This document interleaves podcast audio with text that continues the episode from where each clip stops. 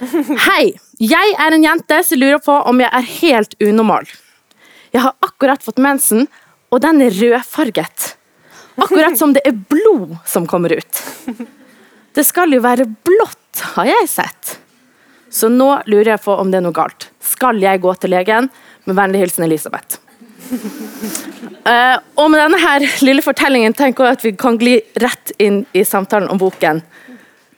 Dette her er jo en bok vi tydeligvis trenger når unge jenter tror at blodet skal være blått. Ja. ja. Uh, den, har jo, den har fått uh, overraskende mye oppmerksomhet, syns jeg. Jeg tenkte på, på den, når, jeg fikk forespørsel om å skrive den, så må jeg si at jeg først tenkte trenger vi dette? Fordi at man har liksom blitt 40 år selv og syns ikke det er noe flaut med mens. Og så, og så tenkte jeg liksom at ja, verden har jo bevega seg veldig. Mm. Eh, så jeg trodde først at ikke det var så interessant, og så har jeg jo da prata med mange folk i forbindelse med dette her, og også lest eh, det som har kommet av reaksjoner og sånne ting. Og så ser man at selvfølgelig det kommer jo nye, det kommer jo nye folk eh, til hele tiden. Det hjelper ikke at liksom jeg har eh, tenkt på dette. Så, så, så det, det, selvfølgelig, man trenger ny litteratur og moderne altså, sant, i, i, dagens tapning. Da. Mm. Eh, fordi at det, det, som ble skrevet om mensen på 80-tallet, er kanskje ikke så eh, aktuelt i dag likevel. Eh, så, så, jeg tror at, boka, at det var behov for den, absolutt. Men Hvor kom eh, ideen fra? Forlaget, tror jeg. Ja, var, ja, ja. ja, jeg tror det. Men eh, den ligger jo veldig i tiden, da. Eh, mitt eh, bidrag i boka heter jo 'Vi drukner imens'. Mm. Jeg prøver å lage mest mulig sånne, så, så, sånne Det er mye, blod, mye blodslit, og det er mye bølger her. Og, men, men, og det handler jo rett og slett at jeg skriver Det er en litt sånn mensens kulturhistorie. Mm. Eh, som handler Hvor jeg tar utgangspunkt først i det som jeg da mener er en eh, mensbølge. da. Eh, fordi at eh, det er, det, vært, det er jo en, også Man snakker om at det er en feministisk eh, bølge som vi er midt oppi.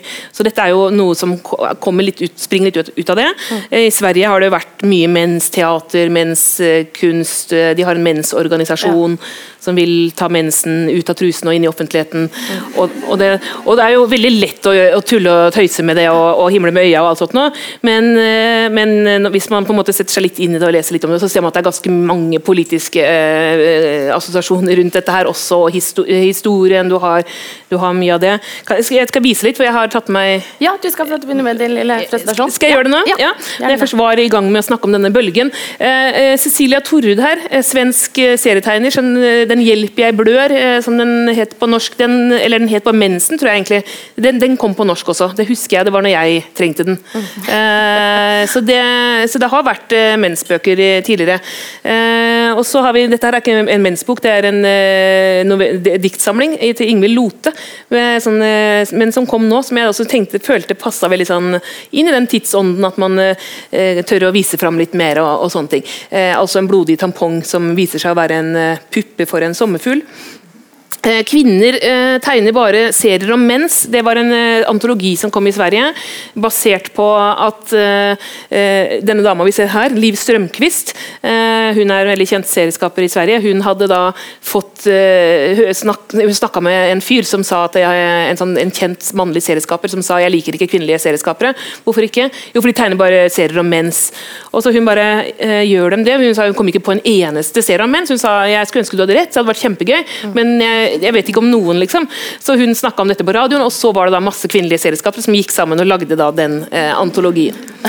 Og så har vi en annen bok som har kommet på norsk nå. Eh, 'Jeg har mens hva så'. Eh, litt sånn humorbok. Og så er min favoritt, da, den burde alle gå og skaffe seg, den til Liv Strømquist her, som heter 'Kunnskapens frukt'. Det er rett og slett eh, det kvinnelige kjønnsorgans kulturhistorie. Og det er politisk, det. For å, altså, det kvinnelige altså Klitoris for eksempel, har jo blitt skrevet inn og ut av historien alt ettersom kvinnens posisjon i samfunnet.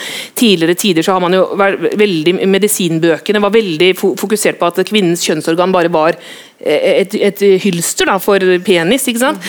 eh, og når det ble oppfylt av penis, så var lykken komplett, og så var det ikke så viktig med noe annet. Sånn at det, Man måtte liksom inn på 70-tallet før man liksom fikk navn på det som var eh, andre ting her.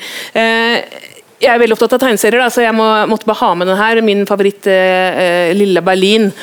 Ehm, Jeg skal bare lese, lese dette for dere, det er så gøy. På bussen her. Unnskyld, men kan du ikke slutte å dytte? Du er ikke den eneste som vil inn på bussen. Ja, ja, Slapp av, har du mensen, eller? Ja, Morsomt at du spør. Ja, ja, det har jeg faktisk. Den begynte i går. Så den er ganske rikelig for øyeblikket. Jeg blødde som et skadeskutt rådyr i natt. Måtte legge både laken og dynetrekk til vask i morges. Men det verste er jo ikke blodet, men de brutale menssmertene og den dype angsten. Jeg må knaske antidepressiva i dagevis for å eh, ikke tørne. Gynekologen min sa at p-piller kan hjelpe mot osv. Så, videre. så gøy det er med noen som er interessert. Kom, nå går vi og kjøper bind sammen. Ja, jeg syns det er eh, ja, en fin måte å svare på. Eh, eksempel på at mensen da blir tatt inn i kulturprogrammer som Kobra her, en egen spesial. Her eh, er en eh, I fjor i Aftenposten eh, Mensen må være en del av måten vi tenker kreativt på. Det er Jenny Wahl som hadde laga et mm, konseptalbum om mens. da. Jeg la merke til eh, Saga Norén i, i, bro, i Broen, er det? som plutselig kom inn til eh, sin kollega og, og kunne fortelle dette. Dette syns jeg liksom er litt nytt. Jeg tror ikke det var sånn eh, det var tidligere. Barbie har fått mensen. Eh, og så videre. Så når denne kampanjen her, som vi også eh, som snakka en del om, det var dette med, med, Tante Rød og jordbæruka mm. og den uka og alle disse ja. begrepene. Man, bare for at man får slippe å ta det fryktelige ordet i munnen, liksom. Så, så, og dette her er 2016 eller 2015. Men da var det så mange som syntes at det var for drøyt og begynte å klusse over. Og så var Helt tilfeldig så bladde jeg Jeg har en eh, veldig gammel svigerfar som kom med en gammel avis. Eh, den var fra 1939. Eh, og Da viser det seg at de kunne til og med Oi. I 1939 så sto det at pillene var mot smerter i menstruasjonstiden. Så hvis det i, gikk i 39, så burde det kanskje gå nå også. Så ja, jeg tenkte jeg skulle uh, Ja, Carrie. Det, det, er jo uh, noen som husker den filmen skrekkfilm om en jente som får mensen. Det er, eh, det er ganske horrible saker. Og, og, og den boka som, eh, som, vi så her, 'Periods in Pop Culture', den tar for seg på en måte hvordan mensen har blitt beskrevet i populærkultur opp igjennom, og, eh, og konkluderer med at det har vært mye av dette her. Da. Mye sånn, som skaper en sånn angst, for det er, det er aldri forbundet med noe positivt. Men jeg tenkte jeg skulle vise til slutt dette bildet her, for det er altså, en amerikansk kunstner som heter Judy Chicago. Eh, 1973. Eh, da, og det er jo, altså Dette å ta inn og ut tamponger er jo noe de fleste kvinner gjør ganske mange tusen ganger i løpet av sitt liv, men, men å se det på bildet ble for sterkt i 73. Men det viser seg å også være litt for sterkt eh, for mange i dag. Eh, det blir jo sensurert, ikke sant? Sosiale medier sensurerer jo blodflekker og, og sånne ting, eh, og, og vanlig, vanlig, menstruasjonsblod. Men, eh, men også jeg, jeg var på Lillehammer og hadde en skoleklasse inne. Da var det en del del altså Når det bildet kom, så var det, liksom, det var mye sånn brekking. Altså, så det, mm, det Ja, vi er vel ikke så vant til å, å se det. Her, eh, ja, dette har blitt sensurert på Instagram. da. Det er også for mye for, for mye for mange. Så ja, det, liten, det var et raskt sveip om uh, Vensens uh, kulturhistorie der. Dere eh, jenter har jo begge skrevet om mensen i, Mensen-boken. Jeg tenkte dere skulle få lov til å lese litt. Vi, skal, vi kan begynne med deg, Gunhild. Ja. ja. Hva har du tenkt å lese? Uh, ja, nei, Jeg har tenkt å rett og slett lese fra teksten ja. uh, som jeg har skrevet til uh, denne boka. Um, det er um, den, Det er vel det vi kan kalle en um, et slags essay. Og um, det tar utgangspunkt i uh, bl.a. et par artikler i VG som handler om uh, kvinnelige toppidrettsutøvere og mensen. Og Den ene handler om eh, den bergenske hekkeløperen Isabel Pedersen, som uh, i 2013 røyk ut uh, av VM pga. sterke menssmerter, fortalte hun da til pressa. Sitat mens hun vekslet mellom å få øynene fulle av tårer og, og nesten le litt av sin egen situasjon, slo hun hånden i et gjerde for å demonstrere hvor hardt hun kjente smertene i magen stikke. Sitat slutt. Alle som har hatt sterke menssmerter, vet at dette var en god demonstrasjon.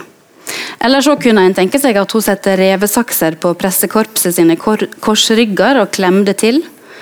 Pressekorpset, og også tipper jeg, halve Norge, kanskje mer enn halve Norge, kanskje både de med og de uten mensen, var forfjamsa. Ikke bare fordi noen sa mensen høyt, men også fordi vi på en måte hadde trodd at mensen var utrydda hos kvinnelige idrettsutøvere. Jeg har bare gått ut ifra at dette har de fiksa, og det er tydelig at også Aftenpostens utsender på pressekonferansen har tenkt det samme, for han spør Isabel Pedersen kan man ikke regulere tidspunktet for mensen til en viss grad. Og Her sier han akkurat det vi alle tenkte. Vi tenkte 'hæ, kan han ikke ta p-pillen'? Vi har aldri hørt Marit Bjørgen snakke om mensen, ikke Therese Johaug heller. Det er trolig bare vi andre som vet hvor irriterende og forsmedelig det er når mensen dukker opp akkurat når noe viktig skal skje. Kanskje akkurat på den sommerfesten, eller under eksamen eller tentamen, så du ikke klarer å tenke. Og ikke har du tatt med deg bind heller, for mensen skulle jo ikke komme før i neste uke. Og kan du i det hele reise deg fra stolen og håpe på å bevare sjølrespekten? Og har du noen stor genser noen plass i noen sekk, eller har du bare den korte jakka? Jo, svarer Isabel Pedersen, men problemet er at den har vært uregelmessig i hele år, noe den aldri har vært før. Men det er jo pinlig å stå her og skylde på mensen i et VM. Og til VG sier hun det samme. Hun sier at og nå står jeg og snakker om menstruasjon i et VM. Jeg blir flau på egne vegne. Men det er bare sånn det er, og jeg får ikke gjort noe med det. Men dette var i 2013. I 2014 kunne vi lese i samme avis at citat, mensenjenta fikk fiksa mensenoppstyret i april. Hva er det med mensen? Hvorfor er det så pinlig? Mensen er en ting som har funnes alltid. For halvparten av klodens befolkning dukker den opp hver eneste måned. Vi kan dermed gå ut ifra at hver eneste dag er det millioner av kvinner som menstruerer. Som om det var en helt vanlig ting. Og det er det jo. Så hvorfor går jeg, og jeg er 40 år, og skammer meg når jeg i butikken må ta ned en pakke bind fra hylla og putte den i handlekorga, og føler meg som den eneste på kloden som har mensen, og at det er veldig tydelig, ettersom jeg står her framfor bindhylla og er den eneste som tar ned en slik pakke. Og hvorfor måtte jeg bli 40 år før jeg hørte noen si noe om akkurat dette på radio? Hvorfor, sa Liv Strømquist, som er en svensk tegneserieskaper. Er det slik at alle mensenprodukt er laga slik at du kan skjule dem inni handa? Ingen skal jo se at du faktisk har mensen. Og hvem har ikke kjent på problemet? Hvordan skal jeg få skifta denne tampongen nå? Eller dette bindet nå? Først må jeg komme meg til doen med bindet skråstrek tampongen skjult en plass. Og hvordan skal jeg få den opp fra ranselen uten at noen ser det? Og må jeg ta med hele ranselen på do? Og vil ikke det vekke mistanke? Skal hun skifte bind? Og når jeg først har kommet inn på doen, vil ikke papiret kring tampongen knitre, og papiret kring bindet knitre, og bindet lager en avslørende, ritsjende lyd når du drar det av trusa, å herregud, alt vil jo lage lyd. Det vil jo være umulig å gjøre dette stille og umerkelig. Og bare ordet mensen. Hva er det med dette ordet som når en sier det høres slik ut? Jeg har mensen. Og hva med ordet menstruere? Hvorfor blir jeg flau av ordet menstruere? Jeg blir ikke bare flau, jeg får av ordet menstruere, men jeg får ikke makk av ordet av verba konstruere, spekulere, postulere, kverulere. Dette var dagens dikt, men det er helt sant, eller naturligvis ikke bokstavelig, men hører jeg ordet menstruere, som fordi det er et verb som påstår at noen aktivt driver og menser, mens det å få mensen ikke oppleves som noe en aktivt bestemmer seg for å utføre, men noe en blir påført og ikke kan hindre, får jeg samme kjensler som når noen drar neglene sine over ei tavle, eller som når bosset er overfylt og jeg likevel prøver å dynge litt spagetti på toppen, og kald, kleimete spagetti selvsagt siger på spagettimåten sin ned langs kanten av bosspannet, og jeg må til å både ta ut bosset og ta på spagettien og vaske bosspannet. Det er få ting rent lydlig som skiller verbet konstruere og menstruere. Eneste forskjellen er at kons ikke er det samme som mens, men likevel får jeg kjensle av å renne over av flauhet når jeg sier ordet menstruere. Det er derfor jeg skriver dette. Det er på tide å ta seg sammen. Jeg som prøvde å skjule for far min at jeg hadde mensen fram til i fjor, sånn cirka. Og også har fått to barn, slik at han må ha visst at jeg også faktisk har mensen. Må ta meg sammen. Tusen takk.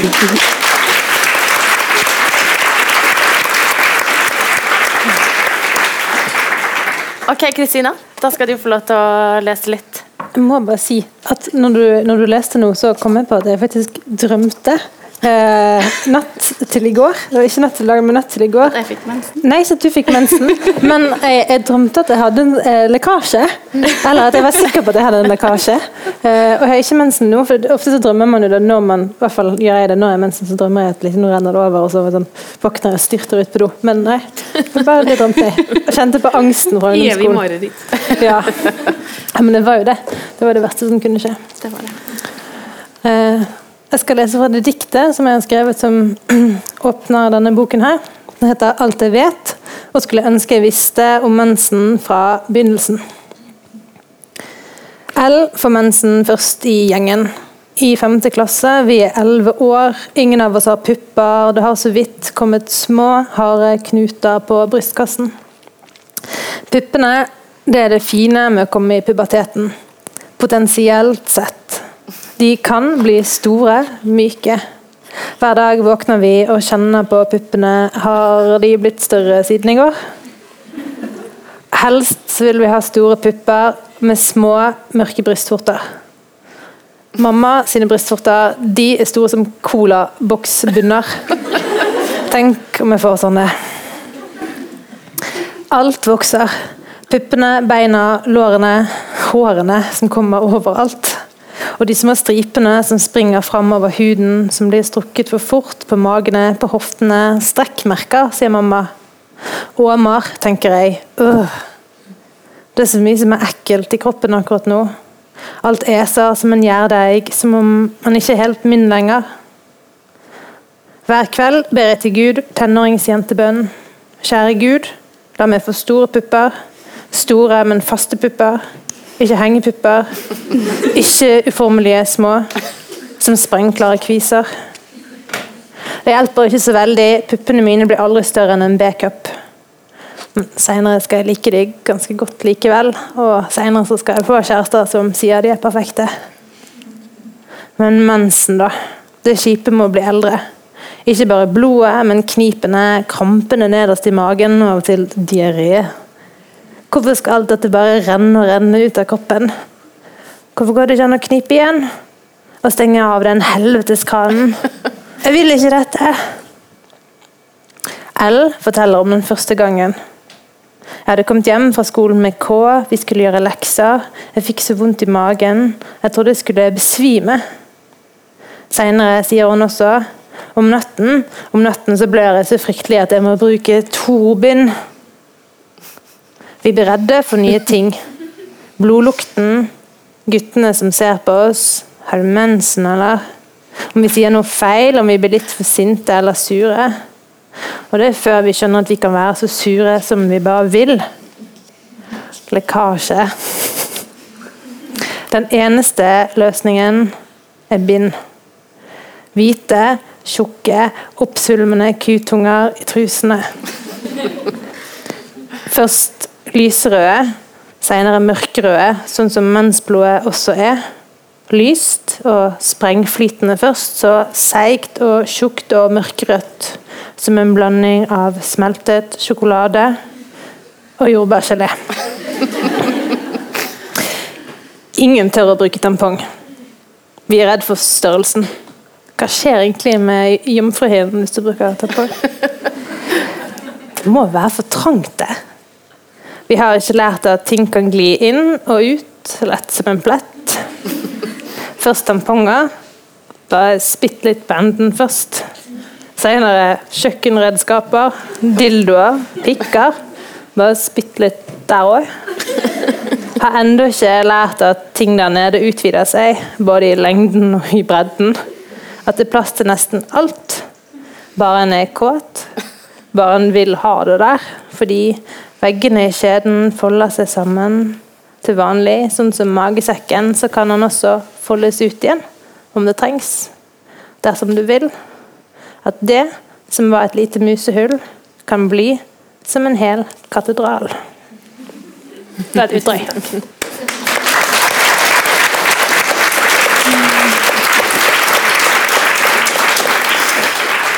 Vi lever jo i en verden hvor eh, kommende presidenter anklager journalister for å ha mensen når de stiller kritiske spørsmål.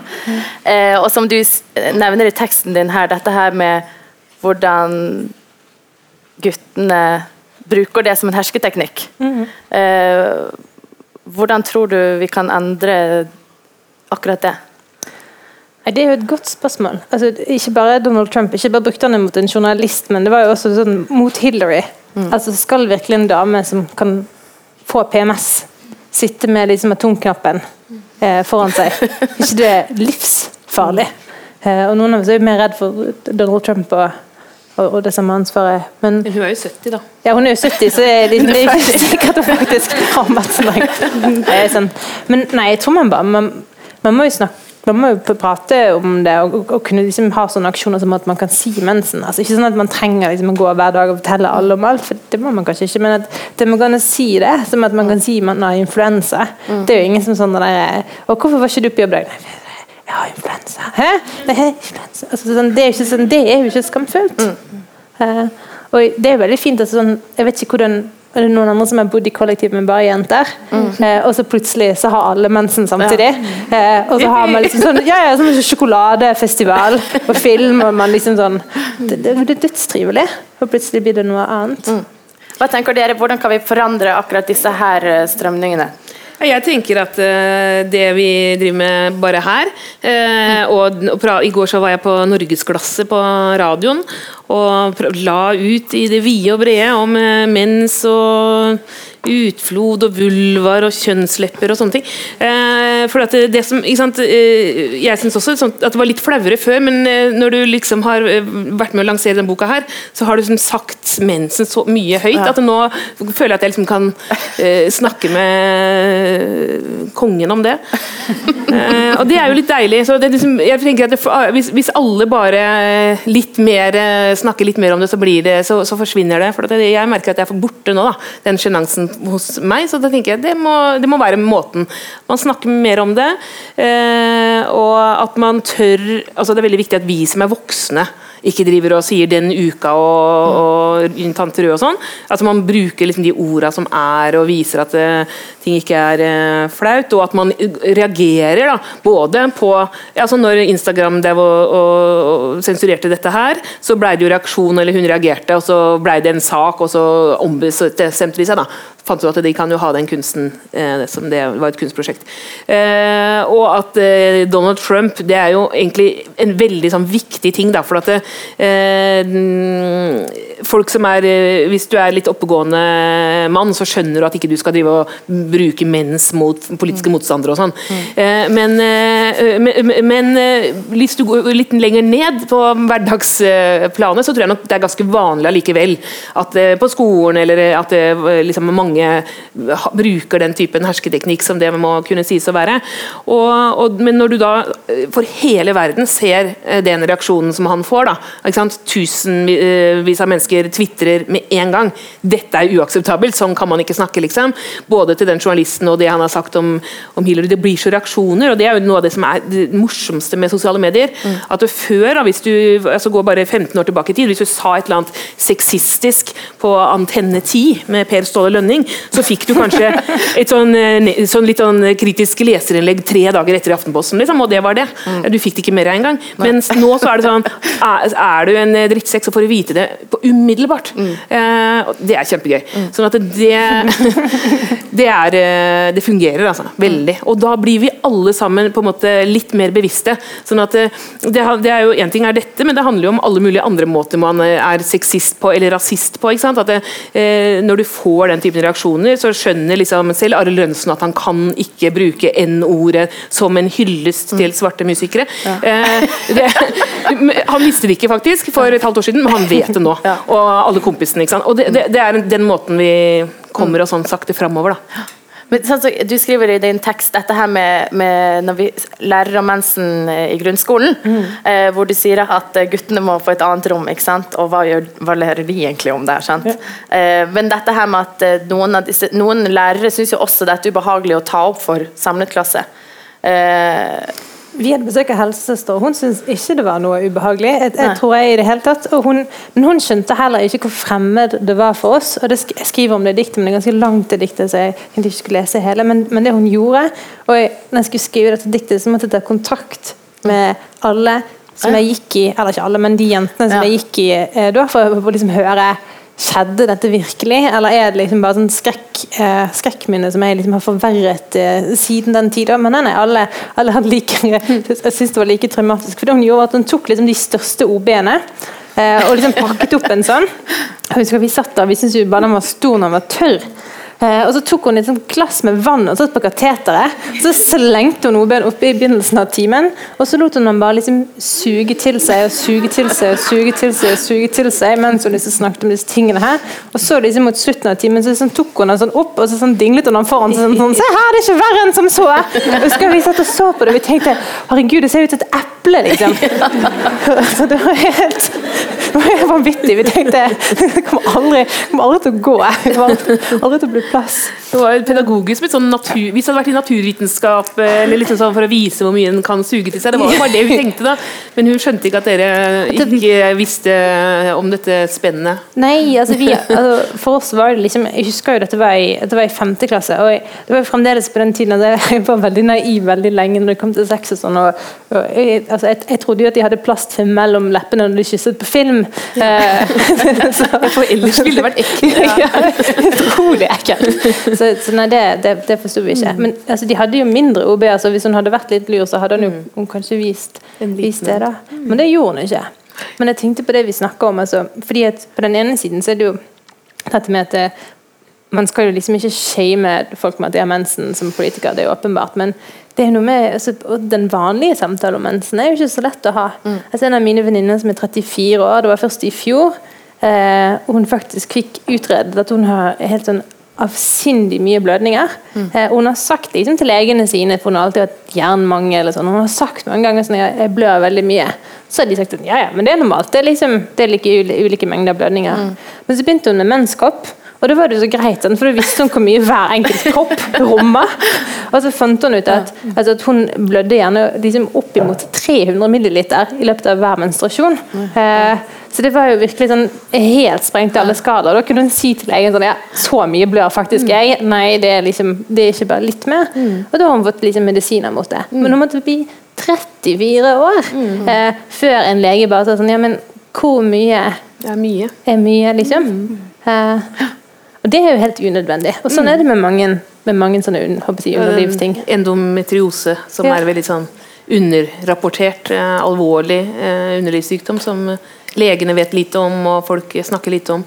Så det er jo igjen det, det politiske i det. ikke sant? Og det er jo eh, Kadra Yusuf skriver jo også her eh, Hun eh, bodde de første åra av livet i Somalia, hvor eh, det var masse myte, mytedannelse rundt dette med mensen, og fremdeles så skambelagt at du måtte altså det var At man ikke kunne det var være sammen med de andre, og det er den typen historier. og, og, og, og, sånn. I tillegg da eh, dette med omskjæring som hun skriver om, som også i visse, eh, i visse kulturer så, skjæ, så syr man jo igjen. Etter å ha skåret bort uh, klitoris, så syr man igjen, eller, og sånne ting, som gjør at, du kan, at, du får, at det blir veldig vanskelig med mensen. Da, for at Den kommer jo knapt ut, og du kan få betennelser. og mye sånne ting. Sånn at uh, Det vi snakker om, er på ikke sant, i, en, i en annen Hvis vi går tilba, langt tilbake i tid i Norge, eller til andre kulturer, så er det jo fremdeles eller så politisk og betent. da. Gunhild, du har jo eh, brukt, eh, skrevet en del om mensen i din eh, litteratur. Eh, både i din nyeste roman 'Under sprekket', hvor du møter da en, en intellektuell egentlig, som, som er, så preget av sin PMS at det går utover alt. Kan du fortelle litt om henne? Ja, eh, altså mm, Jeg hadde veldig lyst til å ha en hovedperson i en hel roman som var premenstruell. Eh, en premenstruell hovedperson. Eh, og i romanen følger jo Den foregår i løpet av to, to dager, egentlig. Eh, største altså, den, og den kronologisk følger Undis, som heter, fra den første dagen. Da er hun ekstremt premenstruell. Til forløsninga på slutten av romanen, som er sånn ca. sju sider før den slutter. Da får hun mensen, da. Så det er på en måte en sånn lykkelig, lykkelig, lykkelig utvikling for Rundis der. Ja. Eh, altså det følger, det følger hun Eh, men jeg hadde også veldig lyst til å prøve å skrive om noe som jeg syns var eh, et vanskelig tema. Altså premenstruelle spenninger. Mm. Eh, fordi det, jeg opplever det som nesten flauere å snakke om, eh, i hvert fall offentlig, enn mensen i seg sjøl. Fordi at det, med de premenstruelle spenningene handler jo om humør, eh, om aggresjon, sinne og nedstemthet. Altså, en har ikke lyst til å være den hysteriske kvinna eh, som det ofte Det er jo en av de store klisjeene om kvinner, at kvinner er hysteriske og uh, upålitelige, som i tilfelle med atomknappen og Hillary Clinton. Uh, og det sto jo til og med i en før kort lærebok at hva var det som sto der? At kvinner ikke burde Ja, Det sto rett og slett at, at, forskning viser at kvinner er mer involvert i bilulykker rundt menstruasjon. Men så viser det seg at det var jo ikke Det var ingen forskning som viser dette. Nei. Det var bare han eh, som hadde skrevet den boka, som hadde hørt det et sted. Ja, men, men, sånn, ja, ja. Men det er jo en oppfatning, sant? At, at kvinner er ustabile. Og, og, det er for de som opplever det. Mm. Uh, jeg kan godt stå fram her i denne salen uh, og si at jeg har opplevd Jeg vet hva PMS kan være. Uh, og, og, da på en måte skulle samtidig opprettholde det, som for Undi sin del, da, som jeg har jo kjørt disse konfliktene ut i, i sånn en ekstrem grad, og både på en måte opprettholde en intellektuell fasade, men samtidig føle seg fanga i sin egen kropp. Mm. Som om du er, du er, låst til et mønster. Det er veldig vanskelig for henne. da. Mm. Og så når du da får høre om at det fins en, en uh, bok som heter The PMS Bible, så bestiller hun den på Amazon. Uh, og håper, hun er sånn kjempenervøs når hun går og henter den på posten og håper at det ikke står The PMS Bible utapå konvolutten. og føler på en måte at det er, det er liksom undergangen. da, At hun mm. som er universitetslektor må faktisk til å lese en selvhjelpsbok om eggstokkene sine. Så ja, jeg var bare interessert i, i den konflikten da, i mm. henne, og i, i den kulturelle oppfatninga av kvinne som et hysterisk vesen på et eller annet vis. Mm. Men også i den uh, filmen 'Kvinner for store herreskjorter', som mm. er basert på din bok 'Vente blinke', mm. der har du også en mensenscene. Du vil kanskje fortelle litt om den? Ja, ja.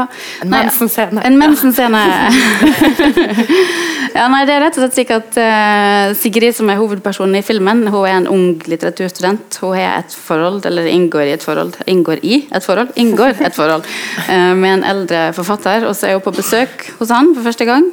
Og de har hatt sex, og alt er idyll, virker det som. Og så plutselig så blør hun på det fine, hvite dyreteppet hans.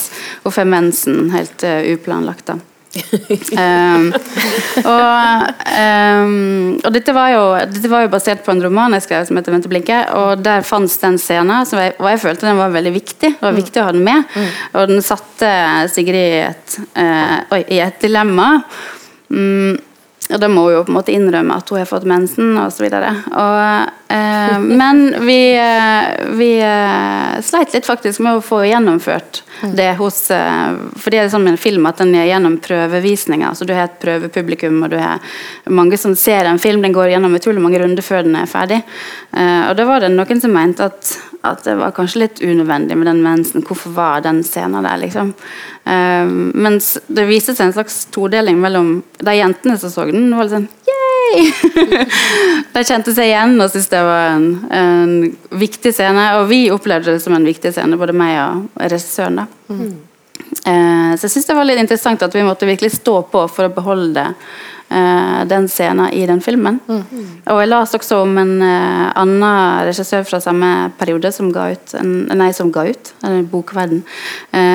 Rondi Sandal, som en film som heter 'Svensk jævel'. Der er det en kvinnelig hovedperson som skifter bind. Mm. Og det var også en sånn scene som man måtte virkelig kjempe for å få beholde.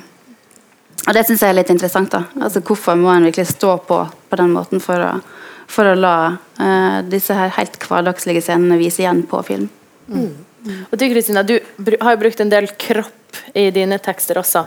Uh, tror du det er med på å normalisere, eller vil det være noe som blir da forbeholdt litterære? altså, um, jeg bare kom til å tenke på en av de første bøkene der jeg eh, leste om tampongbytte. Det er Lillidals fortryllelse av Siri mm. Hustvedt. Og der er det sånn Hun, hun jobber i en diner i Lillidal 19 år, og så plutselig så kjenner hun den der rushet av blod, eh, som man alltid kjenner når man får det. Og så har hun heldigvis eh, leier et rom over denne dineren, så hun løper opp og skifter tampong. Og sånn. Og det husker jeg når jeg leste det når jeg var 19 år gammel. tenkte sånn fuck yeah. Ja. Eh, for det er, det er sånn, en ting som skjer. Eh, i, altså, I min bok er det ikke så mye mens, men i den siste boken jeg skrev, så skriver jeg om en abort som ikke er en sånn eh, Det er ikke en enkel abort for den uh, hovedpersonen i det hele tatt. Det er en sånn følelsesladd situasjon. Og jeg, en del av meg har liksom tenkt sånn her jeg liksom, Hadde det kanskje vært bedre å bare ha en sånn abort-bi-historie som bare sånn, sånn altså, på en måte mindre kanskje traumatisk enn den historien er. da, For veldig ofte så er det jo Med abort for eksempel, så er det ofte veldig traumatisk. da. Men nettopp denne der, at det bare blir nevnt i Lille Dals fortryllelse som en ting som sånn skjedde, og så på en måte gikk dagen videre, og så var det liksom Det var ikke noe mer at det kommet et blod i den trusen, og så, så gikk det bra. Det syns jeg var så deilig. Ja. Eh, og nettopp, ja, At det er en sånn ting som kanskje kan, kan bare få inngå, da. Det tror jeg er veldig viktig. Eh, Ja, og det er det jeg tenker også med denne boka her. At, eh, at det, Vi snakka jo litt om det på forhånd. At, at det, i, en opplever at i venninneflokken, skulle jeg si, eller hos en venninne Det er 20 venninner som en snakker med som hver dag. Så, så er mensen et virkelig eh, brennhett tema. Det er liksom noe en snakker om veldig ofte uten blygsel, men med en gang en skal eh, ta steget fram i en slags offentlig samtale og snakke om den, så blir det vanskeligere. Og Da kan en jo bare tenke seg hvor vanskelig det er når en er 12-13 år og har fått mensen for første gang. og eh, ja, altså den skal Jeg tror det er så utrolig viktig med sånne bøker, og med at mensen får sette spor i, uh, i kulturelle uttrykk, som f.eks. film og litteratur. Ja, og det er liksom, Alle har jo den der første opplevelsen, den første blødningen, sant? og plutselig så skjer det et eller annet med kroppen. Jeg husker så godt uh, da lillesøsteren min eh, fikk mensen, så var foreldrene våre på jobb. Var, vi var alene på morgenen, eh, vi skulle på skolen, og så kommer hun liksom gråtende inn til meg og sier sånn Maria, Maria, jeg blør, jeg blør. Og så er jeg sånn Å, Louise, du har fått mensen! og hun bare begynner å gråte mer og mer og mer. Og så var, da var jeg veldig klok storesøster, og så sa jeg, vet du hva? Alle jentene i High School Musical de har mensen, de òg. og da var det egentlig helt greit, for da skjønte hun sånn Å ja, det er ikke bare meg. Har Vanessa Ann Hutchins mensen? Så det er liksom noe med dette at vi er redd for å snakke om det ut. Sant? Vi snakker om det veldig innover. Men dette trengs jo. Og du, du sier jo at det aldri vært mer populært å ha mensen enn akkurat nå. Ja, ja, nei, det er litt den der bølgen. Men liksom, hvorfor er det ikke Hvorfor har ikke de i High School Musical eller i Ja. eh, hva det heter nå eh, de Skam. nye Ja, i Skam tror jeg nok eh, kanskje Neste sesong de, blir de om bryter nok Ja, det blir nok en spesial. Nei da, men altså i disse, disse amerikanske Nickelodeon-seriene og sånn, mm. som retter seg akkurat mot jenter i den alderen, Ja. hvorfor, ikke, hvorfor gjør ikke de det? Da de burde ta det grepet og være litt F.eks. Den der Bella and the Bulldogs, det er en sånn jente på 14 år som spiller baseball med gutter. Eh, Det ville vært et veldig naturlig sted å ta opp eh, at hun hadde mensen, men det er selvfølgelig det er Amerika.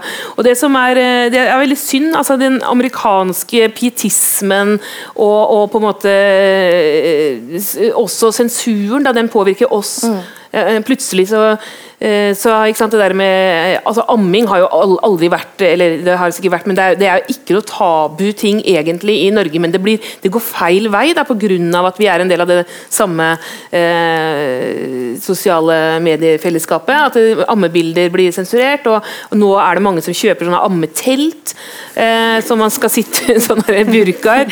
Og, og den typen ting også i Norge får, får liksom et eh, publikum her. Så det er jo ikke sant, eh, Man må passe på eh, Hele tiden når man snakker om norske verdier, så er det liksom, skal man beskytte mot eh, islam, men vi må passe på den andre veien òg. Altså.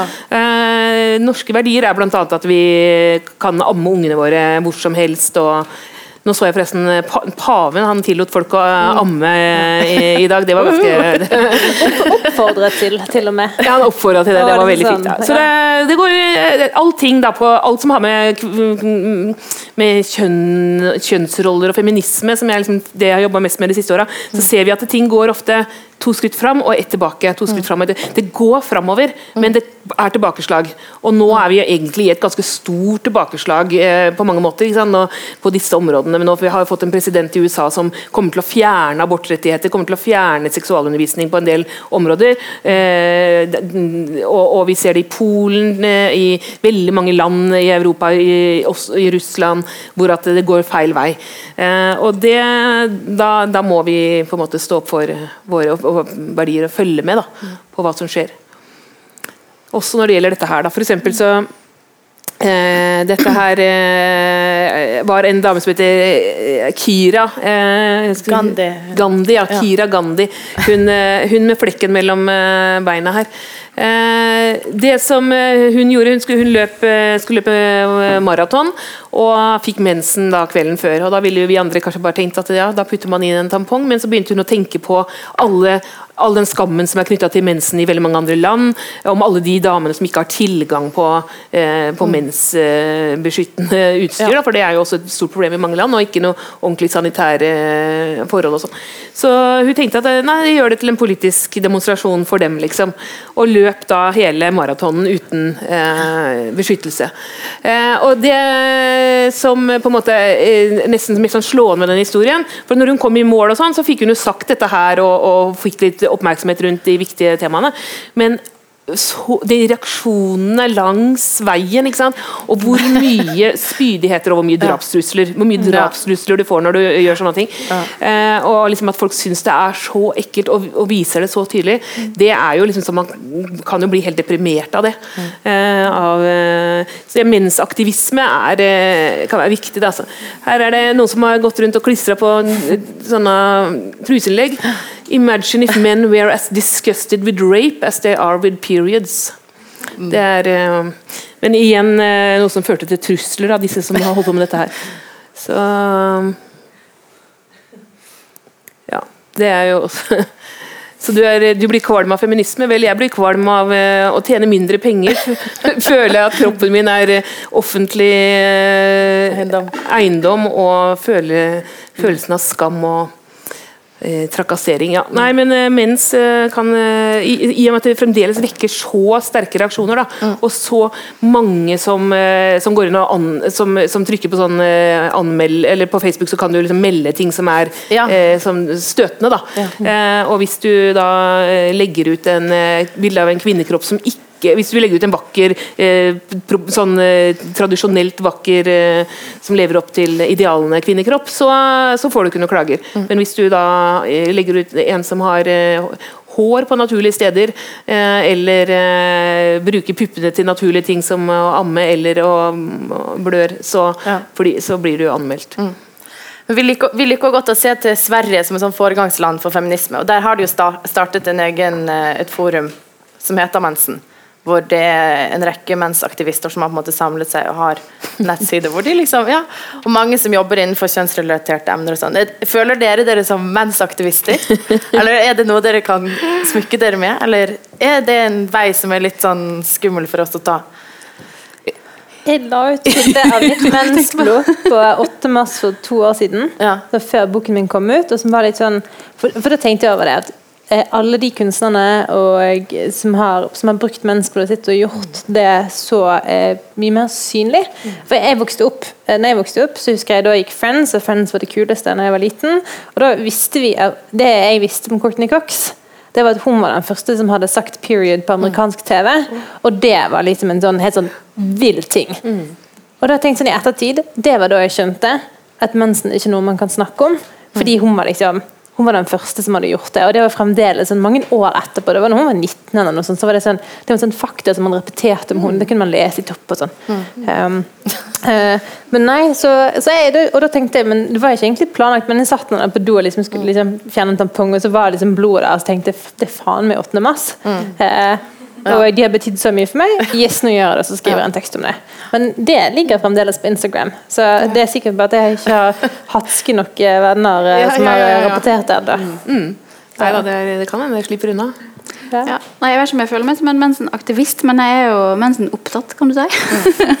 og at jeg har vel eh, vært opptatt av eh, kvinnekroppen helt til jeg begynte å skrive. Jeg prøver å um, gjøre andre ting med den, skulle jeg si.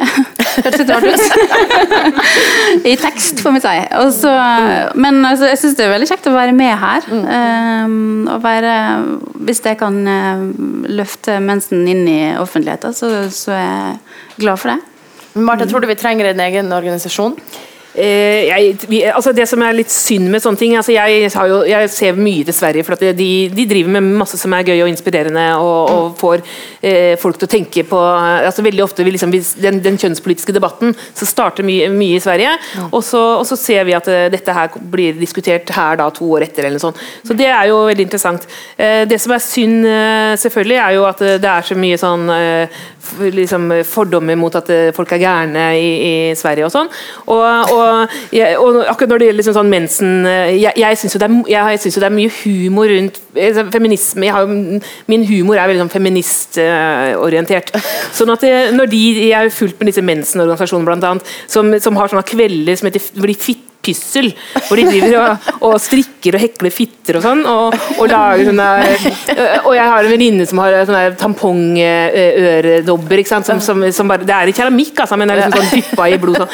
Og jeg syns sånt er kjempegøy, og sånn, men så vet jeg da at det er veldig mange som er motsatt. Som, som, hvor det kanskje nesten til og med liksom, det, Hvis det blir så drøyt, da, så syns de liksom Så, så går det ja, så, så hører de ikke etter hva vi sier. For at de liksom det blir, De har en annen humor, da. Hadde en sånn diskusjon diskusjon eh, Det var liksom om noe, sånn, eh, noen som hadde lagd sånn fitte-cupcakes. Mm. Og det syns jeg også er gøy, ikke sant? Mm. men, men, eh, men de var, det, det, var liksom, det var så over grensa, liksom, at ja. da var det på en måte Ja, og, og da får det motsatt effekt. Da. Det er, så det er jo, så i, i små foraer og sånn, så kan man jo fittpysle og spise mm. cupcakes, og så, og så i liksom, offentligheten kanskje andre måter å gjøre det på. Mm. Men jeg har et forslag i de som jeg kommer med i boka der, som jeg rett og slett uh, mener helt seriøst. Eh, FN har jo sånne år for alt mulig. Det er sånn eh, FNs år for jordsmonn og FNs år for quinoa. Små, altså, alt mulig sånn. Så FNs år for mensen, liksom. Det er for å gjøre noe med dette her med, sant, med tilgangen til sanitærprodukter og skam og alt dette her, det hadde vært kjempeviktig. Og da måtte liksom, da tenker jeg liksom, da ser jeg for meg at liksom, statsministeren og kongen må liksom si ja, og i år har det vært FNs offisielle år for mensen. Ja, det hadde vært veldig, veldig bra aktivisme. Ja. For det er jo litt sånn dette du sier om at det, det kan jobbe litt mot sin fordel. At det, nettopp dette Problemet er vel kanskje mer å få mennene over. Mm. Og på en måte få de til å tørre å, å handle bind eh, for kjærestene sine uten at det er skam. Eh, og alle disse tingene her som mange syns kan være fryktelig ekkelt å se et truseinnlegg. Det er liksom, hvordan skal vi nærme oss de? Mm. Nå er det jo noen menn her yeah. sammen. Men, ja. Det tenker jeg jo seriously. Der må man jo bare jobbe med seg sjøl først. Mm. Et eller annet sted får jo menn den ideen om at det er ekkelt. Og, mm. sånn som Jeg har skrevet, jeg har skrevet om, jeg har skrevet om mønnsblod f.eks. i Feminister spalten mm. eh, som Klassekampen har, som jeg skriver av og til. Og Da får jeg mail fra kvinner som sier sånn Hva har skjedd med blodferdighet? Ja. Eh, og, og, det er klart sånn, Men jeg tenker altså nettopp de som lager de tampongøredobbene, og de som på en måte er altfor mye out there, det har jeg tenkt også fordi Husker da jeg vokste opp, så var det sånn otter. Ja. Det var liksom Gærne. De var gærne. Ja. Og det var liksom sånn øh, De hater menn. Hater menn. Liksom, Trailerlesber. Og liksom, nei, traktorlesber var det de sa. Men alle mulige sånne ting. Men nettopp det og, jeg, og, så ble jeg på en måte større, så ble jeg kjent med sykt mye bra damer i Otta. Jeg elsker Otta. Liksom. Mm. Og så skjønte jeg de liksom fortalte oss at de hadde et sånt forhold til at noen må gå foran. Ja. Eh, og bare brøyte vei mm. og være liksom utvide det rommet. Mm. Og så kan på en måte eh, Ja, Beyoncé og liksom hvem som helst kan bli feminist. Fordi altså, Noen mm. andre har liksom bare mm. satt, satt, grensen for det som er drøyt, og flyttet den et helt mm. annet sted.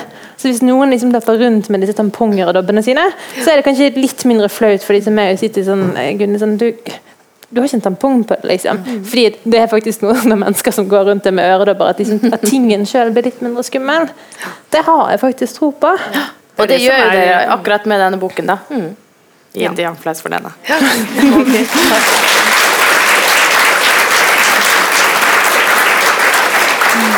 Men hva tenker dere, hvor går veien videre? Er det disse små stegene som uh vi skal, altså, Mennesker skal ikke ta over verden, men, men eh, på et eller annet nivå må det vel normaliseres litt. Hva tror dere vi skal gjøre? Jeg tenker at eh, det er jo mye lett Det, det har jo gått framover.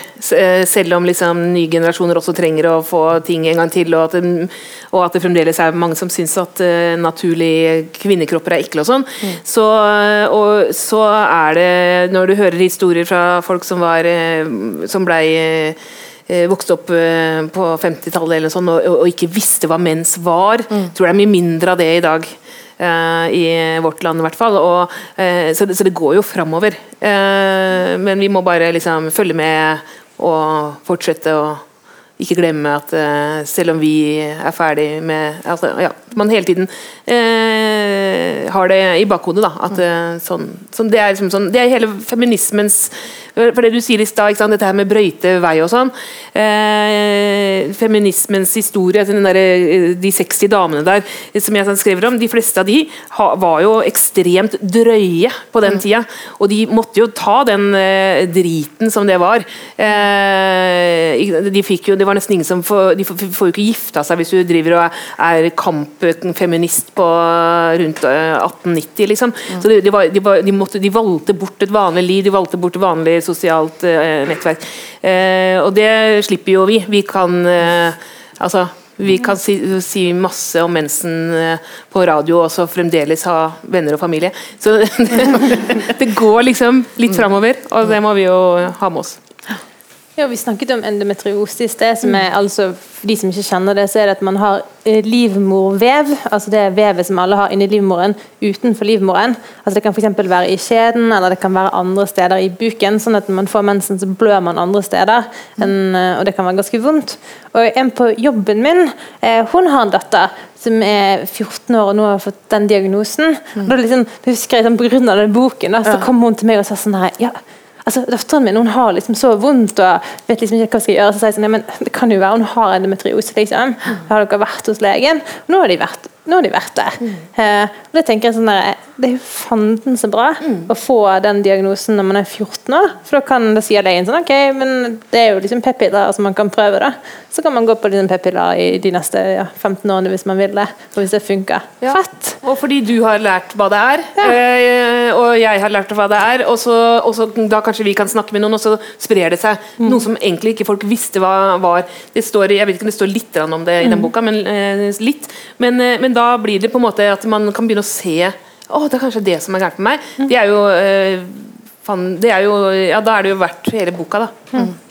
Ja, jeg tenker at det er kunnskap og forskning som står for tur. Mm. At uh, Så lenge vi snakker om det, det er veldig bra, og at vi gjør det mindre flaut, men det mangler en del forskning og kunnskap om dette her. Det var jo de som jeg skriver om noen um, engelske tennisspillere som uh, etterlyste mer kunnskap om mensen. For de sa at vi må slite med én ting ekstra mm. som ingen egentlig snakker om. Mm. Mensen, hva gjør vi med den når vi skal spille disse bitte små tennisdraktene? Mm. Som er hvite. Som er hvite. og da, dette var også en artikkel av VG, og da fleska jo VG til med mer kunnskap ja. på slutten av artikkelen, der det sto henta fra en, en nettsted om seksualitet, eller ungdom og seksualitet, at mm. hvis du ikke vil ha mensen, så kan du ta p-pillen. mens poenget for deg var at vi trenger mer kunnskap om det. Vi trenger mer åpenhet om det, og vi trenger mer forskning på, på kvinnekroppen og på kvinnesykdommer. Så, så, jeg tenker det må være neste fase av uh, mensenbølgen. Mm. Dere har i alle fall kommet til et veldig godt bidrag. Mm. Eh, før vi runder av, så skal jeg bare si at eh, det blir mulighet for signering med disse damene, Med, med bøker som er til salgs etterpå. Tusen takk for at dere kom, og gi en stor applaus til eh, panelet.